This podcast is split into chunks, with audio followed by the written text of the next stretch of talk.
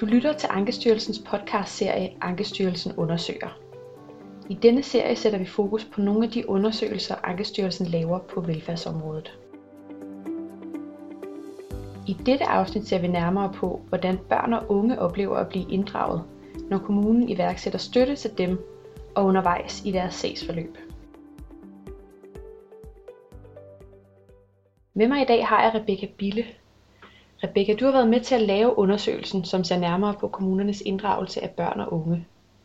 Hvad fandt I ud af i undersøgelsen? Vi har talt med 16 børn og unge, og det er meget forskelligt, hvordan og hvor meget de oplever at være blevet inddraget. Fra virkelig meget til nærmest ikke. Så kan vi se nogle ting, der går igen på tværs af interviewene i forhold til, hvad de børn og unge, vi har talt med, synes, at god inddragelse er. Og det handler overordnet om at blive spurgt, hørt, set og orienteret. Undersøgelsen er baseret på interview med 16 børn og unge i alderen 11-17 år. Da vi talte med dem, modtog de alle en indsats efter servicelovens paragraf 52. Nogen havde en kontaktperson, nogen havde samtaler med en familiebehandler, og andre var anbragt uden for hjemmet. Vi har spurgt børnene og de unge, hvordan de er blevet inddraget i forbindelse med valget af den indsats, de modtager, og i forbindelse med kommunens opfølgning på indsatsen. Kommunerne skal også inddrage dem, før de når til at skulle vælge en indsats, men det belyser undersøgelsen ikke. Kommunerne er forpligtet til at inddrage børn og unge igennem hele sagsforløbet, men flere tidligere undersøgelser har vist, at det er meget forskelligt i hvilket omfang det sker. I undersøgelsen der har I fokuseret på inddragelse i forbindelse med tre forskellige aspekter af sagsforløbet. Øhm, I valget af indsats, øhm, udarbejdelse af handleplan og så opfølgning på indsatsen. Hvis vi starter med valget af indsats, hvad, hvad kendetegner så børnenes oplevelse af at blive inddraget der? I forhold til når kommunen skal vælge en indsats, så varierer det meget, hvor meget de børn og unge, vi har talt med, er blevet inddraget. Der er nogen, der selv har bedt om hjælp og aktivt deltaget i valget af en bestemt indsats. Øhm, der er mange, der fortæller, at de blev spurgt om deres holdning til indsatsen, men at de ikke rigtig havde nogen holdning. De sagde bare okay. Og så er der også nogen, der fortæller, at de ikke mindes at være blevet spurgt, men at indsatsen bare blev sat i gang. Okay. Og så er der øh, den del, der handler om barnet eller den unges handleplan. Hvad fortæller børn og de unge om, hvordan de er blevet inddraget i det arbejde? Ja, det, det er jo sådan, at når kommunen iværksætter en indsats, så skal de lave en handleplan, der beskriver formålet med indsatsen og også nogle mere konkrete mål. Og de børn og unge, vi har talt med, de kender faktisk alle sammen formålet med indsatsen. Men det er kun nogle få af dem, der kender deres handleplan, sådan som et konkret dokument og ved, hvad der står i den. En af dem, der kender sin handleplan godt, det er en pige på 15 år, som vi har talt med. Hun fortæller faktisk, at hun jævnligt gennemgår handleplanen sammen med sin kontaktperson, og så ser de sammen på, om den skal opdateres. Og det betyder, at den her pige oplever en høj grad af inddragelse. Okay.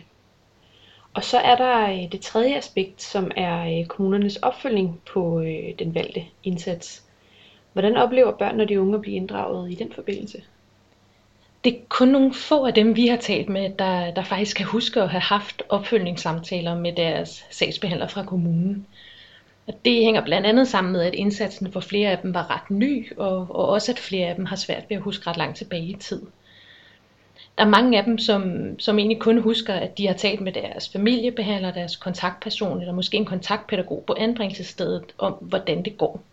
Og så ved de ikke, om de her fagpersoner har videregivet noget af den viden til sagsbehandleren.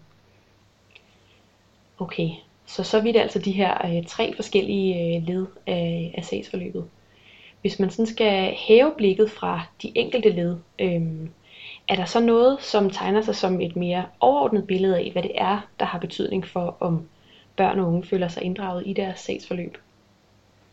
Ja, altså vi har, jo, vi har jo set på, hvad de her børn og unge synes, at god inddragelse er. Og der kan vi på tværs af interviewene se, at det blandt andet handler om at blive spurgt og at blive hørt. Det er for eksempel vigtigt for dem at blive spurgt om deres holdning og også at opleve, at der bliver lyttet til dem. Og så er det også vigtigt for dem at blive set som mennesker, kan man sige. Øhm, for eksempel ved, at deres sagsbehandlere og andre fagpersoner udviser en oprigtig interesse for dem. Og også ved, at dem, der tager beslutningerne i deres sag, er nogen, der kender dem godt, og som de kender godt og har tillid til. Endelig er det også vigtigt for dem at blive orienteret i god tid, for eksempel hvis der skal ske ændringer i indsatsen eller om kommende møder. To af dem, vi talte med, havde oplevet, at de først fik at vide, at de skulle flytte til et andet opholdssted dagen før selve flytningen. Og det gav dem en oplevelse af, at beslutningerne blev taget, uden at de blev inddraget. Ja, okay. Og, og hvem er det, der kan gøre en forskel for, at øh, børn og unge får den oplevelse af at blive spurgt, hørt, set og orienteret? Jamen det er jo i høj grad sagsbehandleren, der ligesom er, som, som myndighedspersonen er, er afgørende i forhold til at sikre god inddragelse.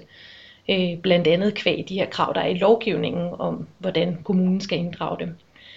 Øh, men i interviewene der fremstår andre fagpersoner også som meget vigtige i forhold til at give børn og de unge en oplevelse af at blive inddraget.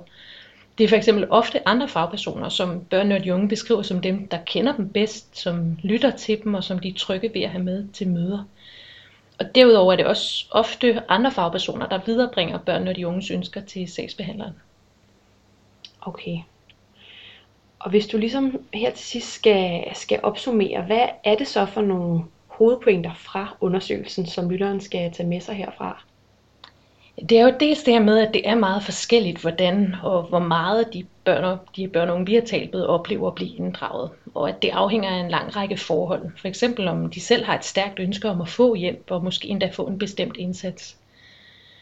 Så er det også, at, at god inddragelse handler om at blive spurgt, hørt, set og orienteret. Og endelig så er det også vigtigt at tage med sig, at sagsbehandleren er vigtig i forhold til at sikre god inddragelse, men, men det er andre fagpersoner i høj grad også. Det kan for eksempel være kontaktpersonen, eller familiebehandleren, eller en kontaktpædagog. Okay. Og de, de resultater fra undersøgelsen, spiller de ind i en bredere udvikling på, øh, på børneområdet?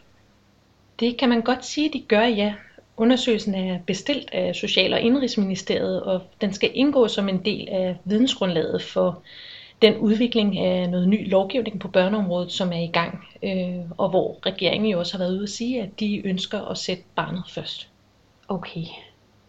Jamen tak for det, Rebecca. Og tak til dig ude bag højtaleren, fordi du lyttede med. Du kan læse rapporten fra undersøgelsen ved at gå ind på forsiden af Ankestyrelsens hjemmeside ast.dk og så trykke på publikationer midt på siden. Her kan du også finde flere podcasts om Ankestyrelsens undersøgelser.